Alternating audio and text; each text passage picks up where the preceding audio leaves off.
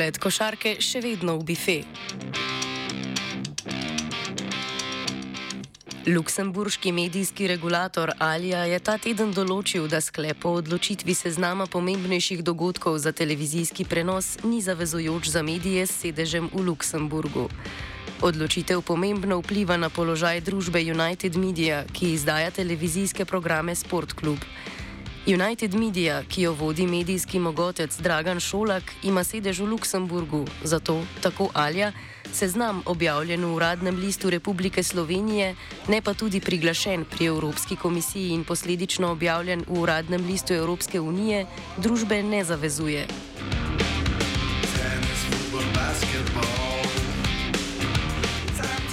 Pri nas pravno podlago za določitev seznama dogodkov vzpostavlja zakon o audiovizualnih medijskih storitvah, ki izdajateljem televizijskega programa prepoveduje prenašanje za javnost pomembnega dogodka tako, da bi bilo pomembnemu delu gledalcev, torej več kot četrtini vseh, onemogočeno spremljanje dogodka na brezplačnem televizijskem programu.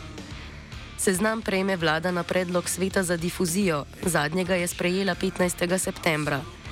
Na njem so med drugim vsi dogodki olimpijskih iger, Tour de France, izločilni boji in tekme slovenske reprezentance na svetovnem prvenstvu v košarki ter Evropsko prvenstvo v plavanju.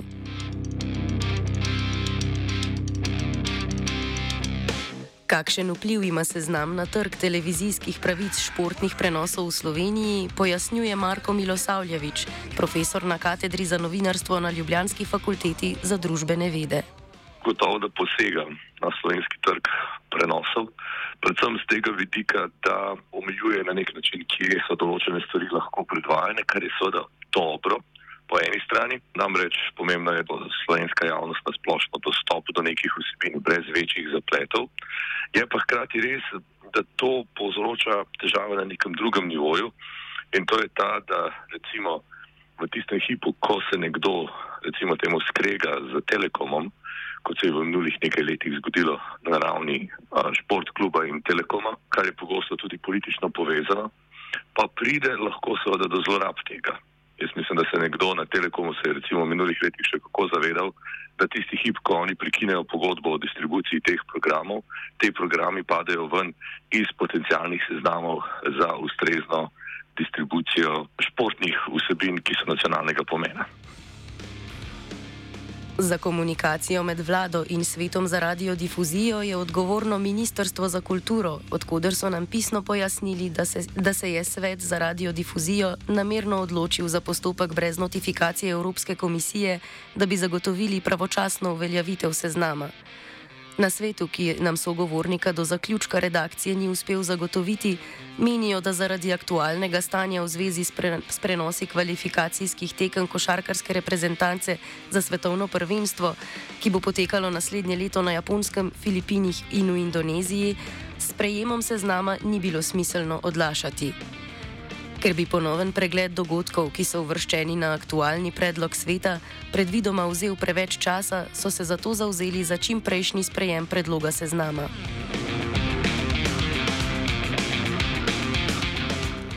Pri svetu omenjeno držo nadalje utemeljujejo s prepričanjem, da je notifikacija Evropske komisije mogoča tudi po sprejemu seznama na nacionalni ravni. Vnaprejšnja notifikacija bi postopek sprejetja seznama po mnenju sveta lahko bistveno podaljšala, s tem pa bi bili lahko bistveno prizadeti tudi interesi gledalcev v Sloveniji.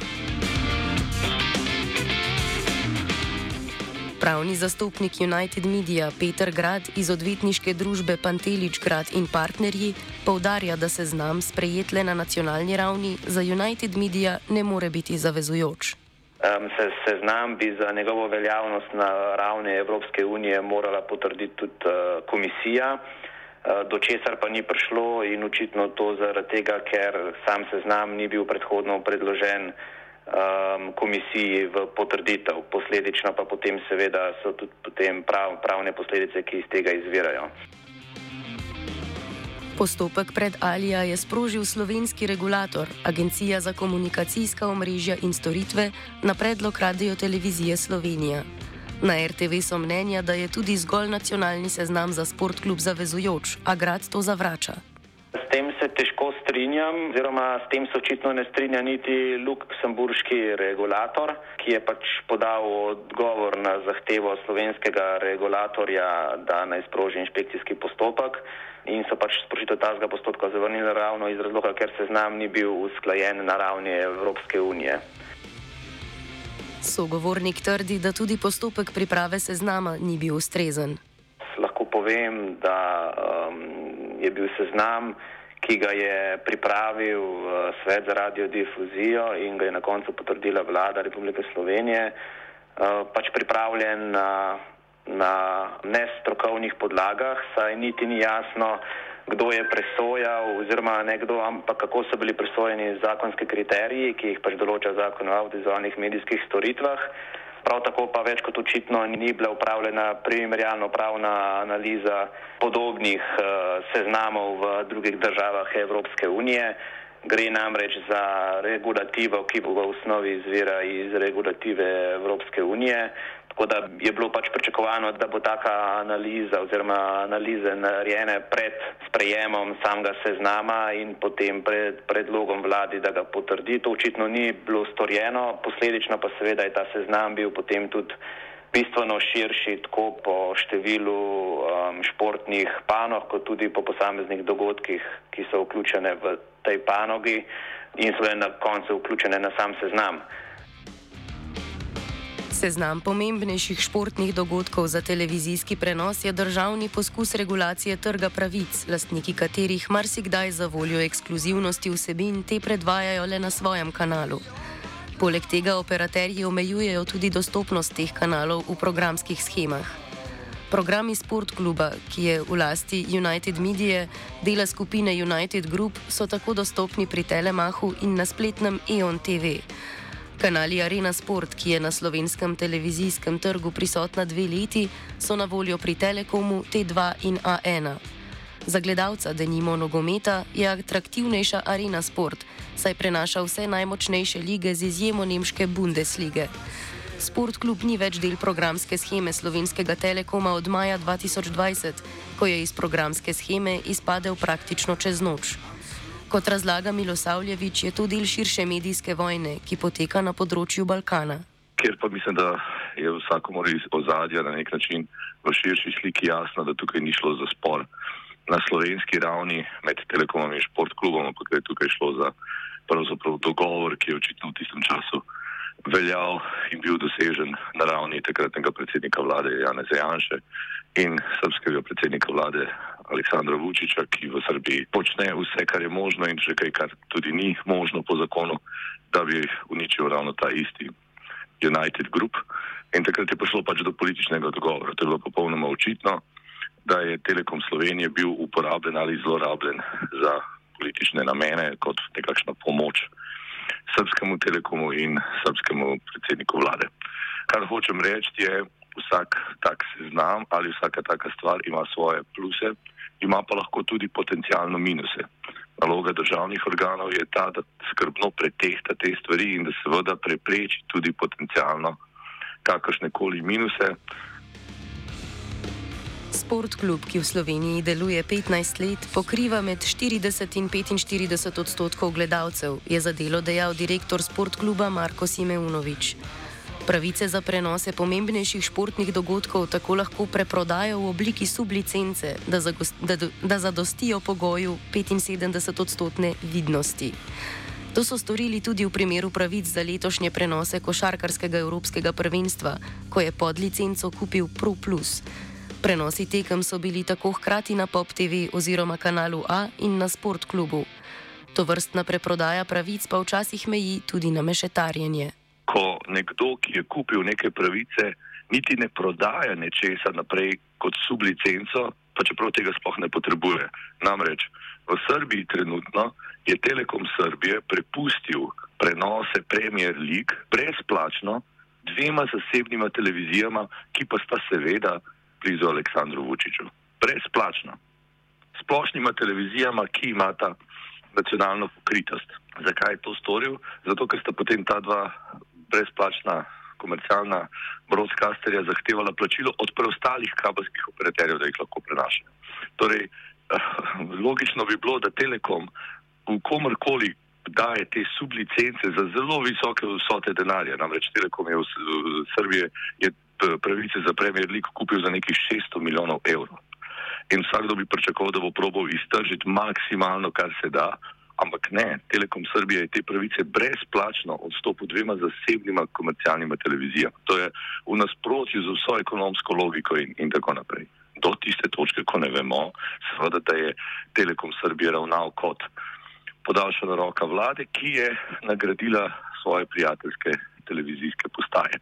Kar hočem reči je, ta trg pravic, bodi si kabelski, za pravice športa, se pogosto uporablja nažalost kot podaljšek za različne tudi politične in ostale vse trgovanja, manipulacije itd.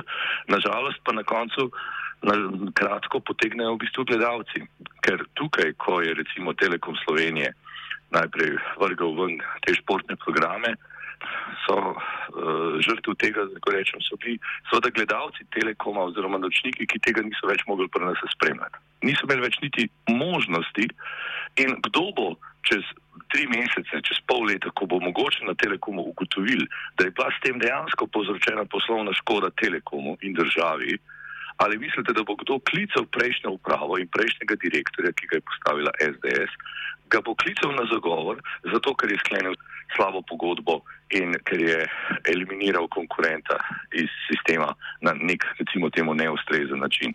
Nihče ga ne bo. Kazen za lastnika licence pomembnejšega športnega dogodka, ki je ne preproda televizijskemu kanalu z, ustredno, z ustrezno pokritostjo, po zakonu o audiovizualnih medijskih storitvah znaša od 3 do 30 tisoč evrov, kar je relativno majhen znesek v primerjavi z denarjem, ki se vrti na trgu športnih prenosov. Tak lastnik si lahko s plačilom kazni, na primer, izbori boljši pogajalski položaj kar je pravzaprav tudi cilj sportkluba, ko pogojuje preprodajo sublicence RTV Slovenija. Um, res je, to je konglomerat, zato ker noben od teh akterjev v resnici ni neodvisen. RTV Slovenija je v marsičem odvisna od EU-ja, Evropske zveze javnih radio-televizij, ko gre za tuje pravice, olimpijske igre in tako naprej. Telekom Slovenije je odvisen od tega in onega, predvsem od svojega dogovora z Areno in z Telekomom Srbije, ki je odvisna od Aleksandra Vučiča in tako naprej. Telemah je odvisen od United Grupe oziroma odvisen je pač vlasti United Grupe, ki ima potem, rekel, zaradi svojega balkanskega prodora doseg do nekih dodatnih športnih pravic, ki jih mogoče sama RTV Slovenija kot taka nima. Vsak nekako poskuša znotraj tega se nekako umestiti, samo da v primeru državnih telekomov, nažalost, imamo še vedno opravka večinoma s politično zlorabo. Javne radio televizije se tukaj borijo. Je pa res, da imajo včasih tudi javne radio televizije slabe uprave, slabe direktorje, recimo za televizijo in tako naprej ki ne razmišljajo dovolj strateško, ki ne razmišljajo dovolj prodorno, z neko vizijo, kaj hočejo doseči. Ne glede na to, kdo bo v medijskem boju med Šolakom in Vučičem izšel kot zmagovalec, to vsekakor ne bomo potrošniki, gledalci. Odvisni od telekomunikacijskih operaterjev, med katerimi ne moremo preklapljati, kot to počnemo z daljincem, bomo zato še naprej najbolj, najljubše športne vsebine primorani spremljati v bifejih. Na zdravje.